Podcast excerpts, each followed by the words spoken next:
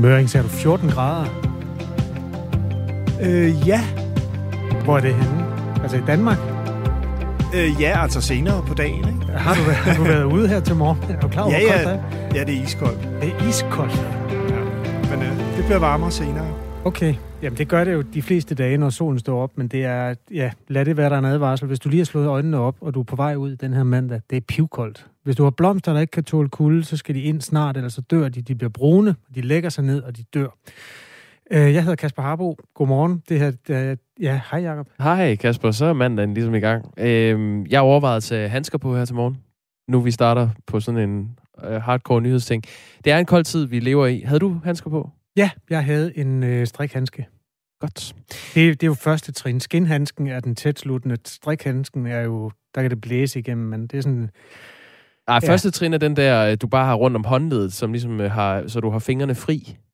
Sådan en, en strikket, øh, en form for øh, sådan håndledsvarmer. og den har jeg nu aldrig.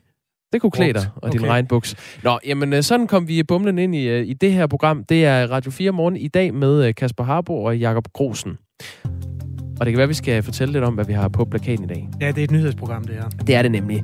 Øhm, en af de sager, vi kommer omkring, øh, handler om øh, det her stof, der hedder PFOS, øh, som øh, er et stof, der har været stort fokus på, siden flere end 100 borgere i Korsør fik målt alt for høje værdier af det her stof i blodet.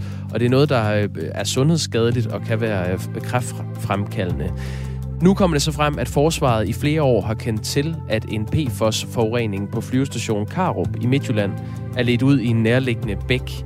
Og alligevel har de så først nu påbudt øh, kvæg og, og øh, græs, eller forbudt hedder det, øh, kvæg og græsse på det her område.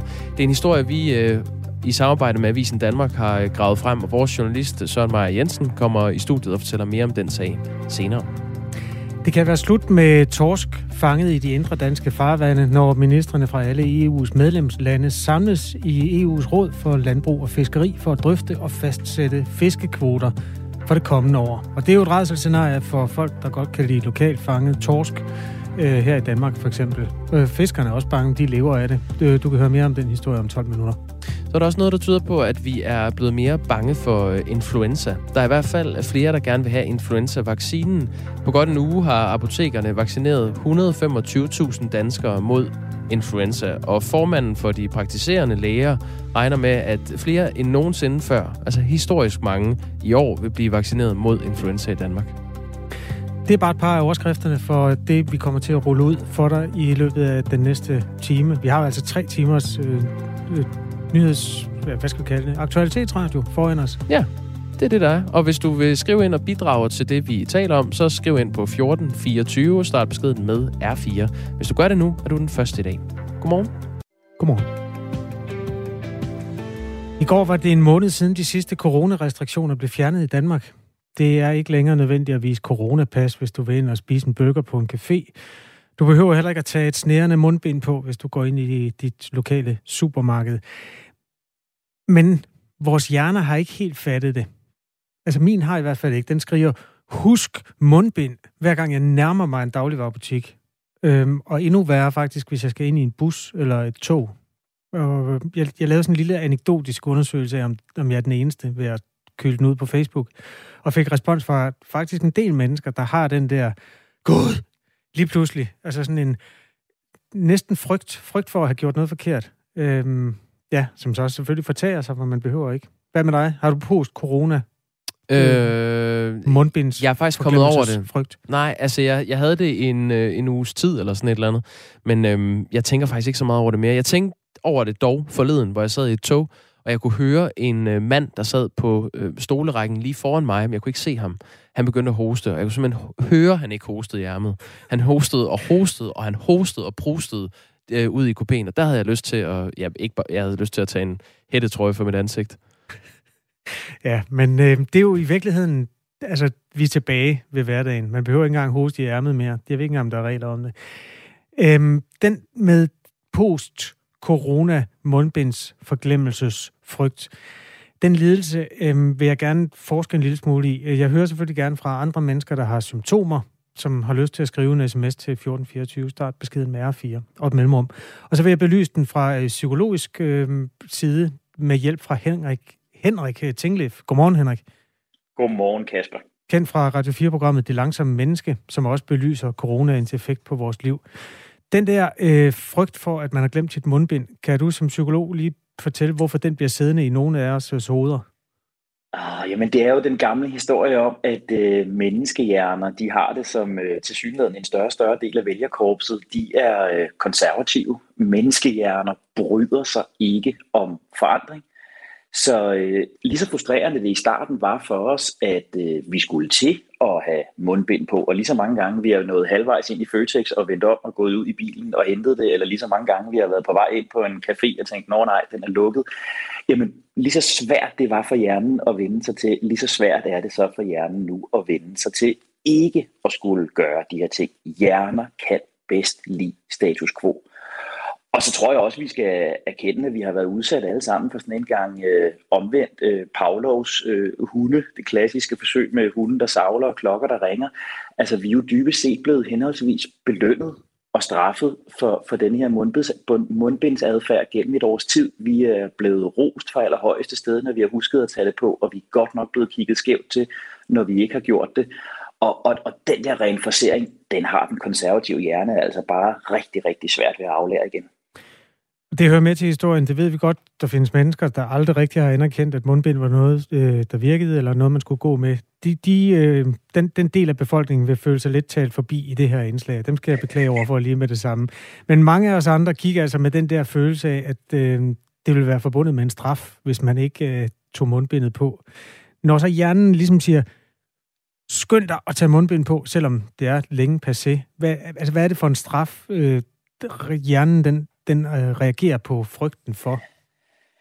Der har jo dybest set været to her. Ikke? Der har været øh, to ret ultimative øh, straffe, vi har kunnet øh, ryge ind i. Øh, I virkeligheden den aller værste af dem alle, social udstødelse. Altså jeg tror i virkeligheden, at mange af os, øh, i hvert fald dem på din og min alder, Kasper, vi har jo ikke sådan frygtet den egentlige sygdom eller, eller død, og måske endnu mindre dem, der har, har været yngre.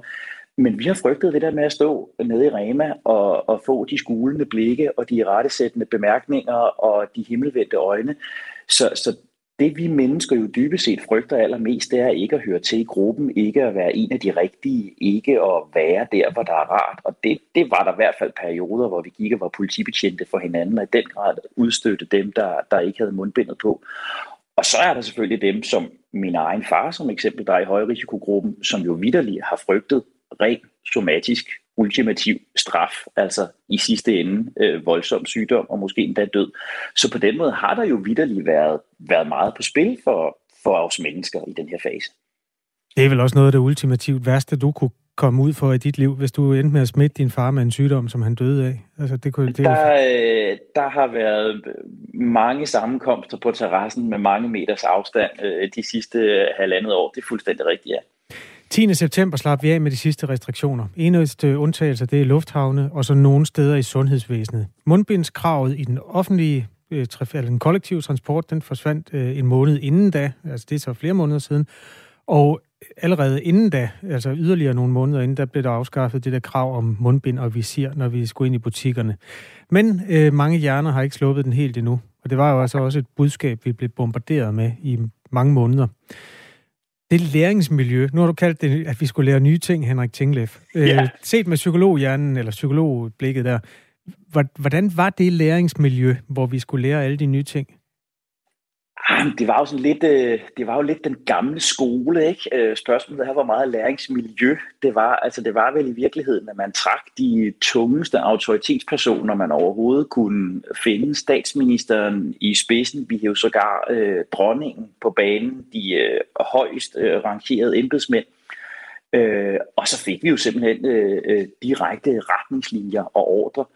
Og det ligger altså bare øh, dybt evolutionært i mennesket at følge autoriteter. Det har vi jo bunker af forsøg på øh, gennem tiden. Et af dem, mange folk kender, det er jo øh, de klassiske øh, strømforsøg, ikke? Milgrams strømforsøg, hvor vi kan få autoritetspersoner til at få, få mennesker til at give hinanden stød. Her der gav vi mm. ikke hinanden stød, men vi gik ned i Rema og kiggede skævt til hinanden.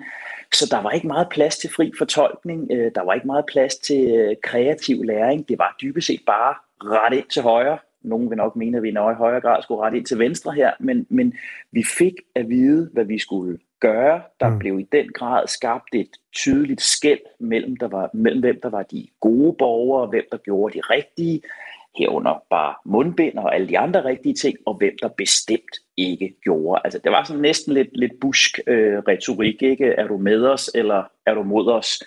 Fordi vi vil jo bare rigtig gerne med i hulen alle sammen, så retter vi ind og gør det, som, som vi skal. Ja, det var en åndssvag tid. Øhm, det her det bliver så siddende åbenbart lidt endnu. Altså, selvom tydeligvis har folk i Danmark genfundet mange af de gamle vaner. Folk krammer og giver hånd og alt sådan noget der. Men stadig pumper hjernen løs med informationer. I hvert fald på mig, og det, det har jeg også set, de er ikke alene. Har du også mærket det, Jørgen?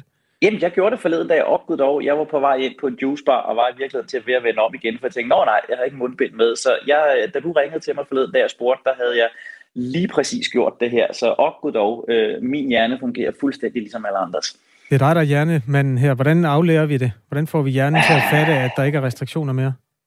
Jamen, der er i virkeligheden kun øh, én ting at gøre. Det råd, som vi også øh, tit giver i det langsomme menneske. Tålmodighed, tålmodighed, tålmodighed. Okay. Vi er ved at skabe nye vaner. Vi er ved at skabe en, øh, en ny hverdag, og det er kun et spørgsmål om tid. Så har den langsomme, stokkonservative menneskehjerne også vendt sig til, at vi ikke behøver mundbind nede i brusen, og vi ikke behøver mundbind inde på caféen. Øh, så øh, læn dig tilbage, kære lytter, så skal det nok løse sig selv. Tak fordi du var med, Henrik Tinglev. Det var en fornøjelse, Kasper. Psykolog, øh, kendt fra Radio 4-programmet Det Langsomme Menneske, som belyser andre steder, hvor coronaen også har sat sit aftryk på vores måde at leve på. Klokken er 16 minutter over 6.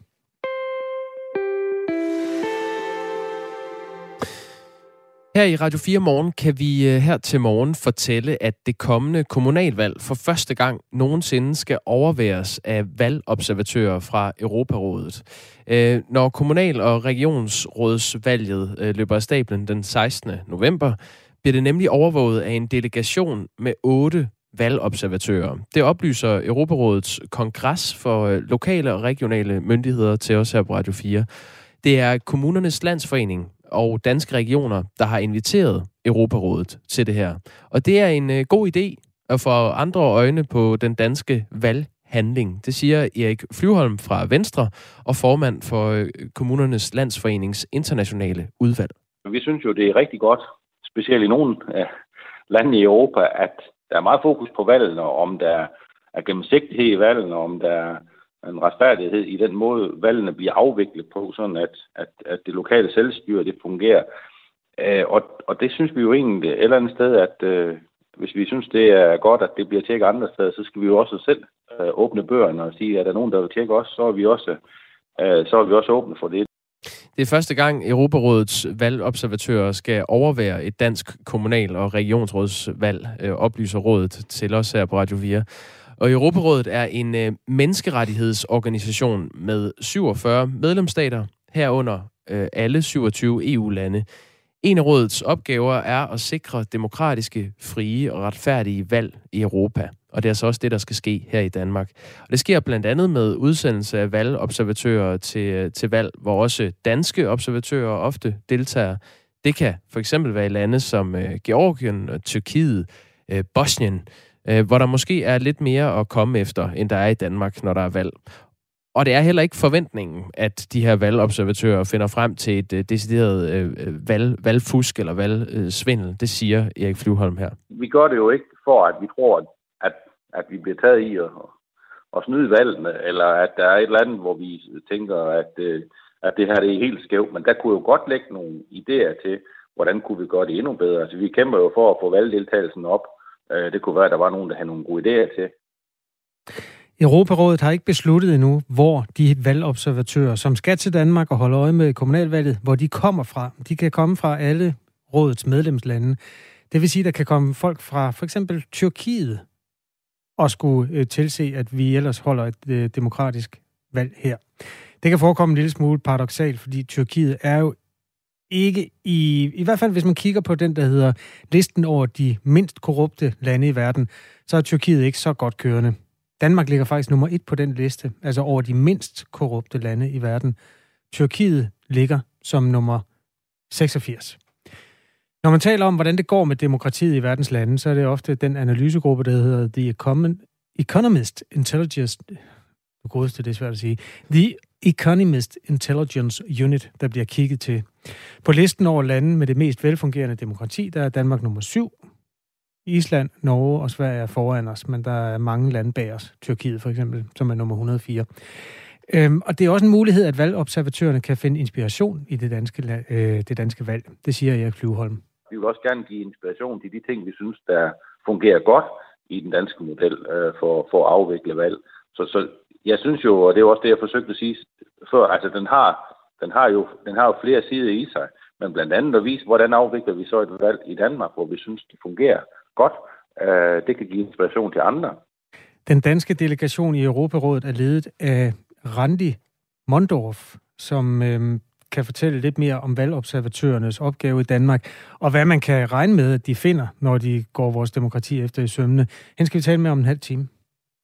Lige nu er klokken øh, 21 minutter over 6, og vi minder øh, stilfærdigt om, at øh, 1424 er nummeret herind, og man begynder sin besked med R4, hvis man øh, gerne vil øh, høres eller bidrage med noget. Og det er der altså to lyttere, der har villet indtil videre, Kasper. Det er på den historie, du øh, havde med, med coronaens... Øh, hvad var det, du kaldte diagnosen? Post-corona øh, mundbindsforglemmelsesfrygt den der øh, hjernen, der banker på og siger, husk nu, du skal have mundbind på, når du går ind i en butik eller ind i et tog eller et eller andet. Og det skal du ikke. PCMFF. Ja. Øh, Arne skriver, fra host corona til post corona. God dag. God dag, Arne. Øh, og Mikkel skriver, jeg brugte maske så lidt som muligt, så den er ikke på radaren. Men jeg er ved at vende om, når butikkens spritdispenser er tom. Det er en god jagttagelse. Der bliver mindre og mindre håndsprit. Ja. Det var så dejligt, at man kunne gå og rense sig hele tiden. Ja, ved du hvad, den, øh, den lider jeg af også, den der med spritten. Tak for sms'erne. De er kommet ind på 1424.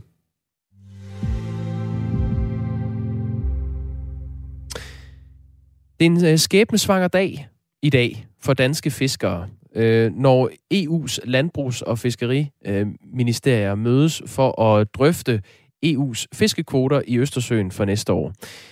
Drøftelserne sker på baggrund af et forslag fra Europakommissionen, som lægger op til massive reduktioner i fiskekvoterne for øh, blandt andet sild og torsk sammenlignet med sidste år. Og det kan betyde, at det er slut med dansk fanget laks og en afvikling af dansk torskefiskeri i de øh, indre danske farvande, hvilket vil betyde, at de danske fiskere de lukker og slukker. Så kontant lyder advarslen fra Dansk Fiskeriforening. Michael Andersen er chefkonsulent og biolog hos øh, ja, Danmarks Fiskeriforening, tror jeg det hedder. Øh, godmorgen. Godmorgen. Ja, det er ja, rigtigt. Det er Danmarks og ikke dansk. Og du er i uh, Luxembourg ja. lige nu for at følge det her ministermøde i uh, Rådet for Landbrug for Fiskeri.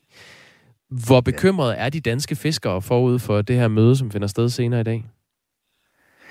Jamen, det er, det er jo faktisk nu har jeg været med i mange år, men jeg kan ikke huske, det har været en værre fremtidsudsigt, vi er rejst ned for at diskutere. Det ser, det ser rigtig, rigtig slemt ud. Det er lidt ligesom at planlægge sin egen begravelse. Hvorfor det? Hvis, jamen, hvis kommissionen slipper igennem med sit, form, øh, sit forslag om at reducere torskekvoten i den vestlige Østersø fra 4.000 tons til øh, 324 tons, tror jeg, deres forslag er præcis. Så det, det er en reduktion på 92 procent. Og det er altså mange penge. Det er jo det, er jo det som fiskerne stort set lever af i Østersøen stadigvæk. Øhm, og så kan man sige, at det værste er ikke det, at kvoten bliver sat så voldsomt ned. Det værste er, at EU har en, en uh, ikke discard-politik, altså en landingspligt. Alt, hvad der bliver fanget, skal landes. Det er sådan set i sig, i sig selv en udmærket idé. Men, men øh, det gør jo, når kvoten på torsk er sat så lavt, som kommissionen foreslår, så kan vi heller ikke fiske efter alle de andre fisk, der er og som faktisk går fremad. Altså, vi er jo vant til som fiskere i naturen, så går det op og ned, øh, og, og det må vi jo leve med, det kan vi også. Men når man har en regel om, at man ikke må fiske fisk, man ikke har kvote på, eller man ikke må fange fisk, der ikke er kvote på, så forhindrer det os jo i at fiske de rødspættebestande, eller den rødspættebestand, som er i, rigtig god vækst i den vestlige Østersøen, fordi vi ikke kan undgå at fange en torsk en gang imellem. 324 tons, det er altså ingenting. Nej, altså det, øh, det vi taler om her, det er det torskekvoten. Det, det handler også om laks, og det handler om uh, som også står til en uh, markant reduktion. Uh, nu nævnte du det selv, men jeg kan lige uh, gentage, bare for at skære ud i pap. Et af de her forslag, uh, forslag går på, at torskekvoten skal nedjusteres fra 4.000 tons, og så til de her, er det 325 tons. Det er en reduktion på 92 procent, hvis det går igennem. Vi har også talt med International Council for the Exploration of the Sea, som er dem, der rådgiver øh, EU-kommissionen om de her kvoter på baggrund af data om fiskebestandene. Og øh, seniorrådgiver i øh, DTU Aqua og dansk medlem i den her øh, organisation, Morten Winter, forklarer her de anbefalinger, de kommer med. Det skal vi lige høre. Jamen det er fordi, at torskbestanden i den vestlige Østersø, den er meget lav. Den er faktisk så lav, at, at vi, vi, vi tror, at det kan være med til at begrænse tilgangen af nye torsk, altså overgang af torsk i de næste næste par år, og dermed grundlag for fiskeriet. Michael Andersen, du er chefkonsulent og øh, biolog hos Danmarks Fiskeriforening, og på den måde er du øh, selvfølgelig også en part i, øh, i den her sag. Hvorfor er hensynet til bestandene ikke vigtigere end hensynet til fiskernes økonomi? Jamen, det synes vi bestemt heller ikke, at, at det ikke er vigtigt at tage hensyn til bestandene. Det er vi sådan set jeg vil ikke sige, altså nu er det internationale havforskningsråd, eller ICES, som vi kalder det, er, er jo ofte det sådan lidt mere pessimistisk, end vi er, men, men vi er enige i, i, i deres vurdering af, at torskebestanden har det dårligt. Det er der sådan set ikke noget at, det er der ikke noget at diskutere om. Så på den måde kan vi godt forstå, hvad, hvad ICES har rådgivet, men vi synes ikke, man behøver at gå så langt, som ISIS siger. Altså den samme organisation har jo, vi har jo sat kvoterne de sidste mange år efter ISIS rådgivning. Og det er sådan set fint nok. Øh, vi kan være uenige om detaljerne, men, men i hovedtræk er vi enige. Så, så vi, er ikke, vi, vi er ikke uenige med ISIS i, hvordan bestanden har det, sådan set. Vi er bare uenige om, hvad der skal gøres ved det. Fordi prisen for at gå fra, fra, hvad skal vi sige, fra et meget, meget dårligt sted til det sted, vi gerne vil være, på kun et år, det er simpelthen for høj en pris, så mister vi fiskeriet undervejs. Vi vil gerne derhen, hvor ICE siger, den, den ambition deler vi også med EU-kommissionen. Altså, I vil gerne reducere skal... torskekoden med 92 procent? Ja. Nej, ikke 92 procent. Hvor mange procent vil I reducere den Jamen, vi vil faktisk øh, vi vil gerne holde den der, hvor den er. Og grunden til, at vi vil det, det er, at øh, vi kan jo se i ICE's rådgivning, at bestanden kan vokse med 40 procent, hvis vi fisker 4.461 tons af det, de laver som rådgivning. De laver en analyse og siger, hvordan har bestanden det? Hvad sker der, hvis vi fisker så meget? Hvad sker der, hvis vi fisker så meget? Og så videre. Og det, som kommissionen har valgt at følge, det er det, der siger, at vi skal fiske så lidt, at bestanden kommer derhen, hvor vi vil have den på et år. Vi siger, så mister vi alle fiskerne. Så mister vi hele den produktion, der kan ligge for rødspætter og andre arter. Så vi vil hellere sige, at det tager to år.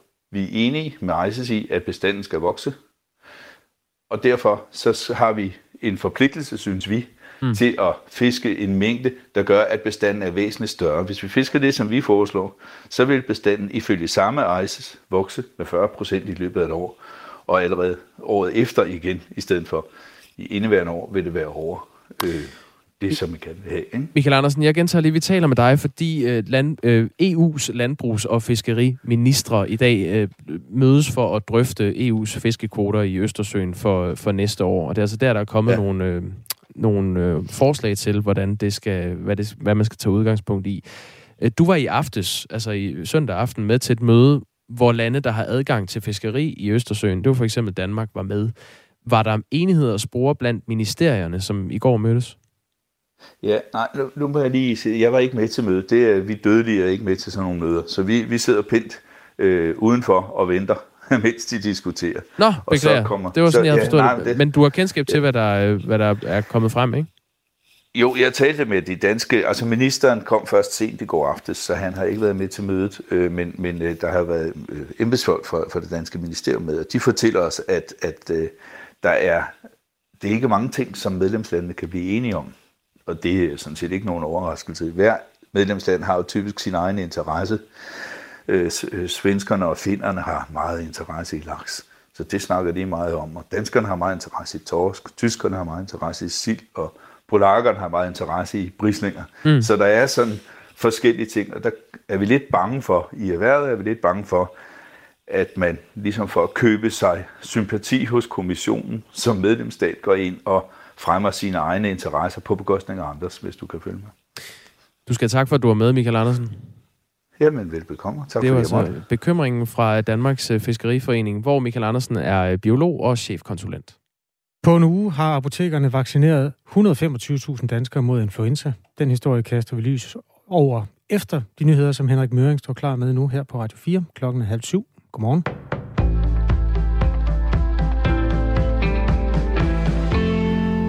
I flere år har forsvaret kendt til et vandløb med for høje værdier med det sundhedsskadelige stof PFOS.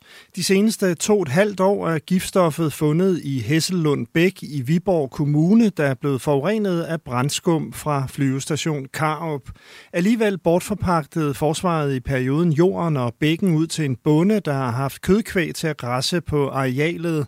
Det kan Avisen Danmark og Radio 4 nu afsløre. Professor i miljømedicin ved Syddansk Universitet, Philip Grandjean, frygter, at kvædet kan være blevet forgiftet. De niveauer, der er målt i den bæk, de, de er rigtig høje, og, og derfor kan man godt frygte, at, at, øhm, at øh, der, der er sket en betydelig forurening af kødet. Først inden for den seneste måned har kvægbunden fået besked på, at han ikke må benytte den forurenede bæk, og at græsset omkring bækken ikke må bruges til foder. Professoren fraråder, at man spiser kød fra kvæget. Måske er det tusind gange over grænsværdien, sådan som det var i Korsør. Det kan også godt være, at det kun er 10, men så er det stadigvæk en overskridelse af grænsværdien. Øh, men, men det må man simpelthen undersøge og, der, og derefter drage en konsekvens af. Der er meget mere om den sag i Radio 4 morgen. Et offer for sexchikane i virksomheden Danbred har fået tilbudt 700.000 kroner i godtgørelse, det skriver Finans. Ifølge mediet er kvinden blevet udsat for gentagende tilfælde af sexchikane af Danbreds tidligere direktør. Han skal have jagtet kvinden gennem flere år. Tre andre ofre for sexchikane i Danbred har fået tilbudt mellem 25.000 og 50.000 kroner. Den nu tidligere direktør valgte selv at forlade virksomheden i sidste måned. Har man svært ved at holde sig under fartgrænsen, stiger risikoen for at få en bøde i den her uge. Politiet gennemfører nemlig en indsats mod fartbøller fra mandag til fredag. Høj hastighed vurderes at være den hyppigste årsag til færdsulykker med alvorlig tilskadekomst og dødsfald, skriver Rigspolitiet. Imellem 2014 og 19 døde godt 400 i trafikulykker, hvor der blev kørt for stærkt. Hvert år dør mere end 22.000 piger eller mere end 60 piger om dagen på verdensplan på grund af graviditets- eller fødselskomplikationer. Det sker som følge af, at de er blevet giftet bort, inden de fyldte 18 år. Det viser en vurdering i en ny rapport fra Red Barnet. Særligt i Vestafrika og Centralafrika er der udfordringer, siger Afrika-ansvarlig i Red Barnet Jakob Ejlsø Mikkelsen. Der er både øh, masser af konflikt i de områder, der er øh, synlige klimaforandringer, der påvirker og presser øh, folk. Øh, og så har vi jo haft covid-19-pandemien, øh, eller den er der jo stadigvæk, kan man sige, og har lukket en masse skoler, øh, som gør, at, øh, at mange piger især er, er droppet ud af skolen. Pigerne skal i skole igen, hvis udviklingen skal vendes. Vi ved, at når piger bliver uddannet, så er sandsynligheden for, at de bliver giftet bort øh, og også bliver gravide, jo sandsynligvis denne mindre. Blokke af smeltet lava på størrelse med tre etagers huse rullede i går ned af en vulkan på La Palma, mens en serie af skælv fik jorden til at ryste. Det sker tre uger efter, at vulkanen Cumbre Vieja brød ud på den spanske ø. Lavastrømmen, der har en temperatur på op til 1240 grader, ødelagde de sidste tilbageværende bygninger i landsbyen Todoque. Spredte byer, og først på dagen en del sol 10-14 grader og jævn til hård vind omkring vest. Og så kan det godt være, at du skal finde de der skinhandsker, Jakob Harbo, Kasper Harbo, undskyld. Det bliver nemlig nattefrost på On- onsdag, tror jeg. Onsdag. Hildemand. Nå, for søren. Frem med skinhandsken. Det er Henrik Møring, som uh, trakterer os med dagens vigtigste nyheder klokken helt og halv den her morgen. Og her er det Jakob Harbo og Kasper Grosen, der sidder klar. Ja, og det er jo altså som menneskenært som noget, det der med temperaturerne. Tænk, at vi skal til at finde os i nattefrost igen. Det er en hardcore årstid, vi går ind i lige nu, eller vi er faktisk allerede i gang med den. Øh, klokken er 6.34. Godmorgen. Velkommen til Radio 4. Det er en måned siden de sidste restriktioner forsvandt, hvis man lige ser bort fra den lille bitte smule coronarestriktioner, der er tilbage i lufthavnen og sundhedsvæsenet. Så behøver man jo ikke at have maske på mere, og man behøver ikke vise øh, coronapas, når man går ind på en restaurant. Ikke desto mindre har mange af os det problem, at hjernen stadig nogle gange sådan, i ren panik siger, Gud, husk nu øh, mundbind, husk nu det ene og det andet.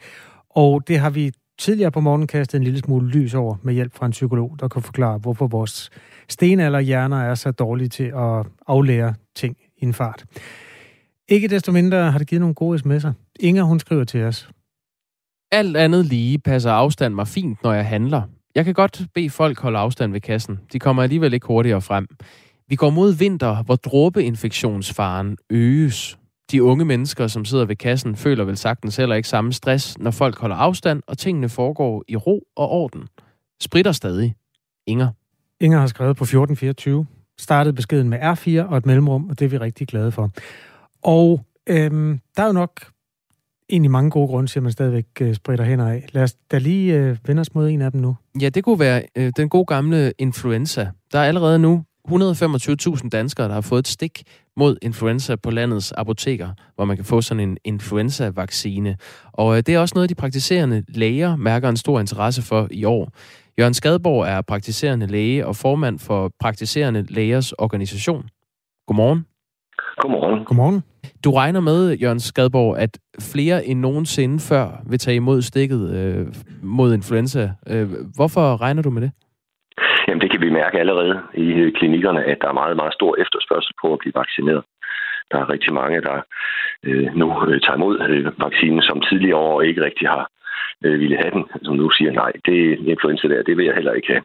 Så øh, ja, det, det ser vi rigtig stor efterspørgsel på.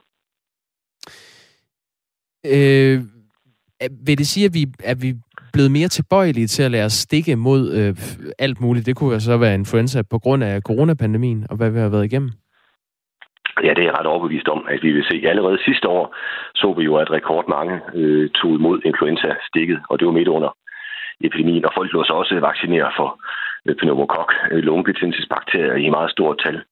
Og myndighederne har jo skaffet endnu flere øh, vacciner hjem end sidste år, og folk strømmer øh, til øh, vores lægepraksis og bliver vaccineret i god ro i Danmark forekommer influenza typisk i årlige øh, epidemier af 4 til seks ugers varighed i øh, vinterperioden fra øh, december og så frem til marts. Og det er typisk en ud af fem personer, der får influenza i Danmark. Hvert år dør i gennemsnit cirka øh, 1000 til 2000 personer i Danmark af komplikationer som følge af influenza. Øh, Jørgen Skadborg, hvad kan det komme til at betyde for dig at se, hvis flere end nogensinde før tager imod den her influenza-vaccine? Altså hvis vi når op på rigtig mange vaccinerede, så kan vi måske ligefrem undgå de rigtige epidemier, fordi influenzaen ikke så nemt spreder sig, eller vi kan måske gøre, at der går nogle flere år imellem, at vi får en epidemi. Hvor mange skal der til? For øh, det er jo flokimmunitet, du taler om her. Ja, nu er jeg jo ikke øh, virolog, vel, men altså ofte så taler man om, at man skal have 65 procent af befolkningen vaccineret, før det giver rigtig god beskyttelse som flokimmunitet. Mm. Og det får vi jo nok ikke. Men i år har vi jo børnene med øh, for første gang, altså børn mellem 2 og 6 år med, øh, har myndighederne vurderet, at det var en god idé. Og det, øh, det må også betyde noget, hvis vi, hvis vi får de børn med, fordi de jo smitter meget rundt i institutionerne, når det, når det haver med influenzaepidemierne. Sidste år var der faktisk store problemer med at skaffe øh, nok af de her influenza-vacciner til, til Danmark. Nu hvor I oplever en stigende efterspørgsel, hvordan ser det så ud med leverancerne? Kan, kan man følge med i år? Ja, altså der er influenza-vacciner nok til syneladende, men men der er lidt øh, igen i år desværre øh, problemer med, at alle praksis kan få de vacciner, de har brug for til deres sårbare patienter, altså til de gamle med, med kroniske sygdomme, pensionister osv. Desværre er der nogle praksis indimellem, der øh, meddeler, at de har fået at vide, der er såkaldte restorder. Det vil ikke sige, at de ikke kan få vaccinerne, men at de kommer senere. Og, øh, og det er altså lidt kedeligt. Det er noget med, at myndighederne jo først fire dage før vi skulle gå i gang med øh, vaccinationsprogrammet her, udgav den endelige bekendtgørelse, som det hedder, altså at de sendte ud til øh, landets læger, øh, hvordan øh, vilkårene var for den her vaccination, og derfor har nogle læger først bestilt i, i sidste øjeblik, desværre. Nu bliver det lidt øh, anekdotisk, øh, Jørgen Skadborg, men øh, man har ofte hørt, eller jeg har, nu siger, nu siger jeg i stedet for mand, jeg har hørt folk, der, der har været vaccineret mod øh, influenza, få influenza alligevel og blive meget syge af det. Øhm, hvor, hvor godt dækker den her øh, vaccine mod influenza? Ja, altså man siger, at den har sådan en 65% dækning, og, øh, og det har man været meget glad for også øh, for eksempel med nogle af de typer af øh, hvad hedder det, øh, covid-vacciner, der har været, at de har været konventionelle vacciner, ligesom øh, influenza-vacciner, der giver sådan en 60-65% dækning mod alvorlig sygdom. Det vil omvendt sige, at hvis der kommer en epidemi, så har man øh, 35% risiko for at blive syg alligevel. Mens vi har jo lært her med øh, de, de moderne øh, vacciner, som for eksempel Pfizer for øh, altså mRNA, vacciner, at der er det meget bedre dækning. Og alligevel, der ser vi så selvfølgelig indimellem nogen, der bliver syge af covid, selvom de er øh, vaccineret. Øhm, og, og, men heldigvis så ikke så alvorligt syge, som man ellers kunne se. Hvad skal man gøre, hvis man vil være sikker på at få et stik? Skal man bestille tid ved sin læge. Det er jo meget, øh, meget nemt. Vi har faktisk en lytter, der skriver ind her, nu, nu kunne du lige blive en øh, lille brevkasse her, øh, Jørgen Skadeborg. Den er fra Ulrik Detlef Hundfjord Jørgensen, der bor på Nordfyn, som spørger, om det er muligt at vaccinere sine børn, hvis de er over 6 år gamle.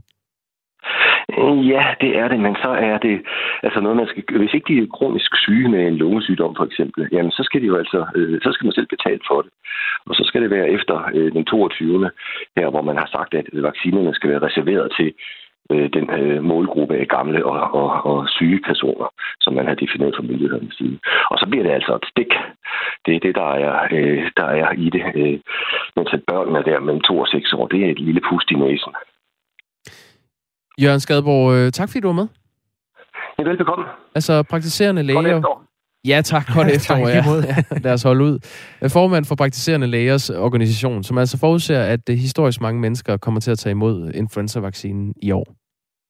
Klokken er 6.41, øh, også kendt som 19 minutter i syv på den her mandag morgen. Tak fordi du lytter. Hvis du nu er tysker, så er det en dum dag at gå rundt og ikke være vaccineret mod corona i dag. For øhm, tyskerne tager et nyt initiativ, lad os kalde det et stykke med notching i brug øhm, over for de mennesker, der ikke har lavet sig vaccinere. Tyskland er lidt et særligt land i forhold til coronavacciner, for man har ikke fra myndighedernes side lavet kampagner, der øh, opfordrer folk til at lade sig vaccinere. Nå. Man har simpelthen lavet det være op til den enkelte. Altså man har sagt, det, det, det er en mulighed. En mulighed, og det er en god mulighed, for du bliver mindre syg og så videre, så videre. Men man har ikke lavet, ligesom man i Danmark altså for eksempel har taget ud i nogle kvarterer, hvor vaccinerne ikke var så udbredt, og lavet en slags charmeoffensiv. Det, man nu gør i Tyskland, er så til gengæld noget, der tenderer det samme. Fordi øh, fra nu af, fra i dag, der koster det penge, hvis du vil coronatestes, og du ikke er vaccineret. Ja, okay. Øhm, coronatest kan jo være en nødvendighed, hvis du vil flyve til et andet land, for eksempel. Ja og det har hidtil været gratis. Tyskland har ifølge TV2 brugt... Nej, det kunne være sjovt, hvis du kunne gætte det. Hvor mange penge tror du i danske kroner, det har kostet at teste Tysklands befolkning igennem for corona siden pandemiens begyndelse? Uh. 10 milliarder. Det er et meget godt bud, men øh, det kan ikke gøre det. 34 milliarder kroner Nej, har tyskerne brugt mange på det. Penge. Det er rigtig mange penge. Det er jo, øh, ja, sindssygt mange penge. 5 milliarder euro har de brugt på at teste folk. Og det gider de faktisk ikke mere øh, at betale for. I hvert fald ikke øh, betale for den øh, befolkningsgruppe, som ikke lader sig vaccinere. Um, jeg var lige inde, jeg skrev lige på Google, vi feel, altså hvor meget. Ja. Og så kan man jo se de mest relaterede søgninger dertil, og det er bare det, det mest søgte overhovedet på tysk. Vi feel koster dig en coronatest op øh, 11. oktober. Øhm, Hvor det, mange er vaccineret i Tyskland, sagde du det? Cirka to tredjedel. Nå, okay. 66 procent. Ja. Og en coronatest, den koster 25 euro. Det er 175 kroner. Wow. Så... Det kan godt gå hen og blive dyrt. Jamen, det er sådan en lille... Hvis ikke man kan sige det på den ene måde, så kan man sige det på den anden måde, at vi synes, I skal vaccineres. Og det er måske det, de tyske myndigheder gør nu. Men det er vel primært øh, aktuelt at blive testet, hvis man skal ud og rejse i Tyskland. Ellers så er de fleste restriktioner ja, ja. ophævet. Også på de kanter, ja. Det er du ja. ret i. Nå, interessant indblik øh, i øh, vores broderland mod øh, syd. Vi får nogle øh, sms'er her, Kasper. Øh, Emil skriver, hvordan er de sundhedsmæssige konsekvenser af vaccinen? Åh, oh, det er relateret til influenza-vaccinen. Okay, at så skyde... vi skifter tilbage til vaccinen mod influenza nu. Ja, som historisk mange danskere altså kommer til at tage. Øh, beklager forvirring. At skyde microdoser øh, af ikke naturlige stoffer ind i kroppen lyder risikabelt for den generelle sundhed. øh, om 30-50 år. Vi skal stoppe med at lege Gud og se realiteten i øjnene. Vi er for mange mennesker, der skal tyndes ud. God dag, lyder det, det positive øh, budskab fra vores lytter Emil. Tak, Emil.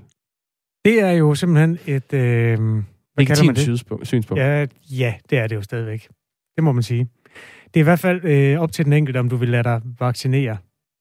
Det er jo så op til, hvad skal man kalde befolkningernes overhoveder, om de synes, at man skal håndtere en pandemi på den ene eller den anden måde. Og der er det stadig sådan, at de fleste regimer, selv i lande, som vi nødig sammenligner os med, synes, at man skal redde så mange mennesker som muligt.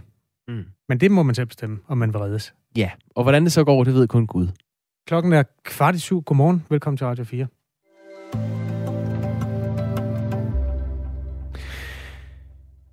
Her på Radio 4 Morgen kan vi i dag fortælle, at europæiske valgobservatører skal overvære det kommunal- og regionsrådsvalg, som finder sted til november, midt i november måned. Og det er faktisk første gang nogensinde, det sker, fortæller Europarådet til Radio 4. Typisk der vil øh, valgobservatørerne blive sendt til lande, hvor demokratiet har det lidt svært. Georgien, Bosnien, Herzegovina, Tyrkiet, altså lande, der ligger langt nede på listen over velfungerende demokratier. Men nu skal Danmark altså også have besøg. Randi Mondorf, godmorgen. Godmorgen. Leder af den danske delegation til Europarådet, øh, medlem af Europarådet og dansk valgobservatør. Vi er jo et af de mindst korrupte lande i verden. Hvorfor skal der valgobservatører til vores kommunalvalg? Jeg er rigtig glad for, at det lykkedes at få valgobservatører til Danmark, for jeg tror på, at vi kan lære noget af hinanden. Helt overordnet, så handler det her om lokalt demokrati i kommuner og regioner. Altså retten til at have et velfungerende lokalt demokrati. Det er beskrevet i et øh, charter for lokalt selvstyre i Europa, som Danmark har tilsluttet sig, og det er derfor, de er her. Øh, så spurgte du til, hvad er det, de kan gøre? Jamen, de ser jo først og fremmest på, at valgbestyrelserne trænet? Altså, har de styr på processerne på valgdagen? Øh, bliver der mm. ydet en særlig hjælp til dårligt gående, seende, handicappet? Er der kø? Øh, sikrer man vælgerens anonymitet? Øh, så kan de også i deres samtaler med NGO'er og myndigheder inden selve valget vurdere, om vi ligesom på alle planer lever op til charteret for lokalt selvstyre i Europa. Du har jo selv haft øh, fornøjelsen af at være valgobservatør i nogle lande, hvor demokratiet har det lidt bøvlet. Det vender vi tilbage til senere. Det er sådan lidt farverigt, næsten sjovt, hvis ikke det var, fordi det var lidt sørgeligt, at det er demokratiet, der har det så skidt. Øhm, jeg vil godt lige starte med at spørge, altså for eksempel tyrkiske valgobservatører, nu ved vi ikke, hvor de kommer fra, men det kunne blive i Tyrkiet. Kan de lære noget som helst? Eller kan de på nogen måde vise os, hvordan man bedriver demokrati man skal se på det som, at de skal vise os. Altså først og fremmest benytter Europarådet et stærkt værktøj, en spørgeramme, som i og for sig kan benyttes af alle. Og den sætter ligesom et niveau for indholdet og rammen af det, der bliver observeret. Og øh, så er det ikke kun politikere, der er med. Der er også en administrativ ledelse fra Strasbourg, som er erfaren og som ved, hvad har mange års uddannelse i og træning i demokratiudvikling og valgafholdelse. Man skal så heller ikke undervurdere værdien af, at når vi er ude, os politikere, så øh, bruger vi jo rigtig meget tid sammen og lærer af hinanden og diskuterer, hvordan vi gør ting i vores pågældende land. Vi udveksler erfaring, og det ligger der faktisk en, en rigtig stor øh, værdi i. Det tager de med hjem. Men øh, jeg er helt sikker på, at man kommer med en god standardiseret udgangspunkt for valgobservationerne, som sikrer, at det foregår fornuftigt. Europarådet er en menneskerettighedsorganisation med 47 medlemsstater. Det er alle EU-landene, og så er det en masse andre lande.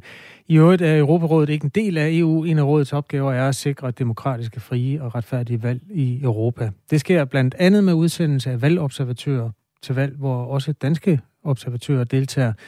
Det er altså 16. november, hvor der er kommunalvalg. Der kommer otte valgobservatører fra Europarådet, som skal overvære valghandlingen, oplyser rådet til Radio 4.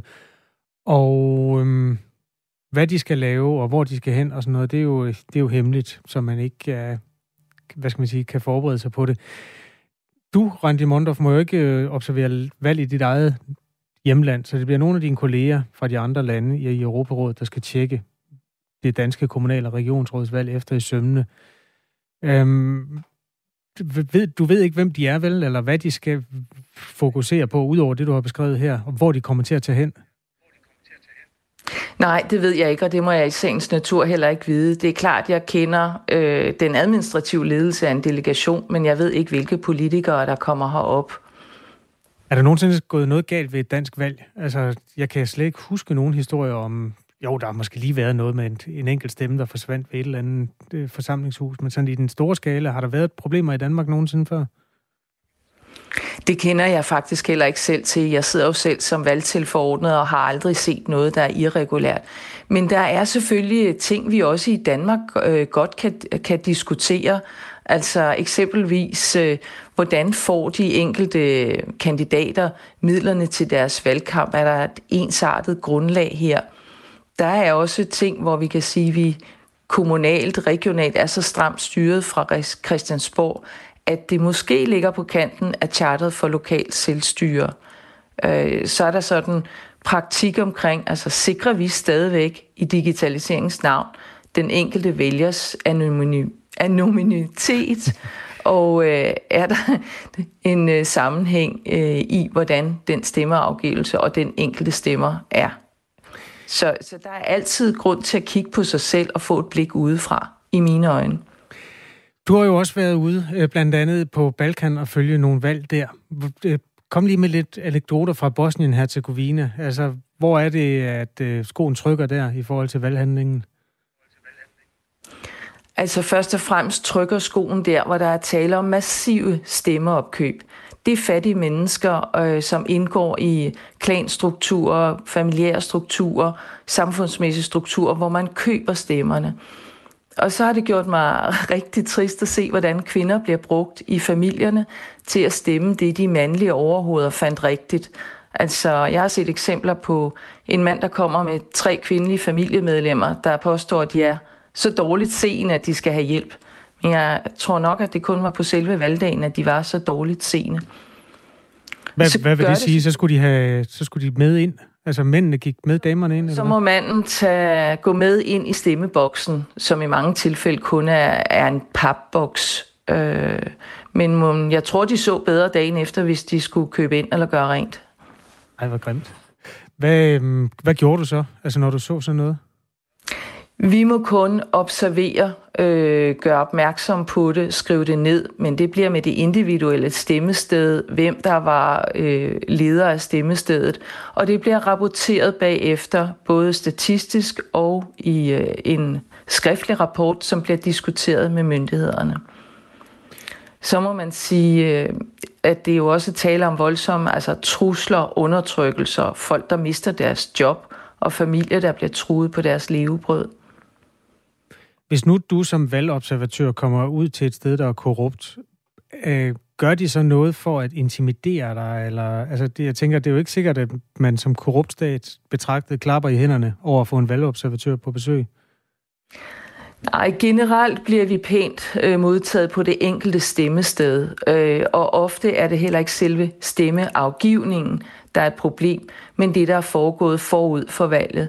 Men i Tyrkiet har vi eksempler på, at nogle af vores valgobservatører, også kvindelige valgobservatører, er blevet truet og chikaneret. Hvad er det værste, du har oplevet under en valgobservation?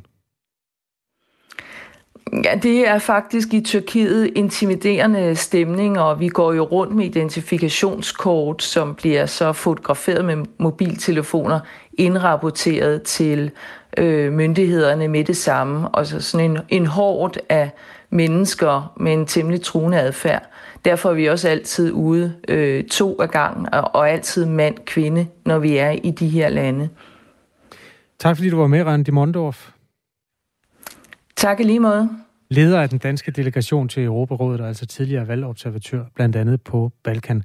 Danmark får besøg af otte valgobservatører, og må ikke de får en lidt bedre behandling end det, der blev beskrevet der. Der er kommunalvalg den 16. november her i Danmark, og regionsrådsvalg. Ja, og øh, det kan jo være, at der kommer nogle øh, delegerede, nogle valgobservatører fra Tyrkiet. Ja, det kan vi glæde os til.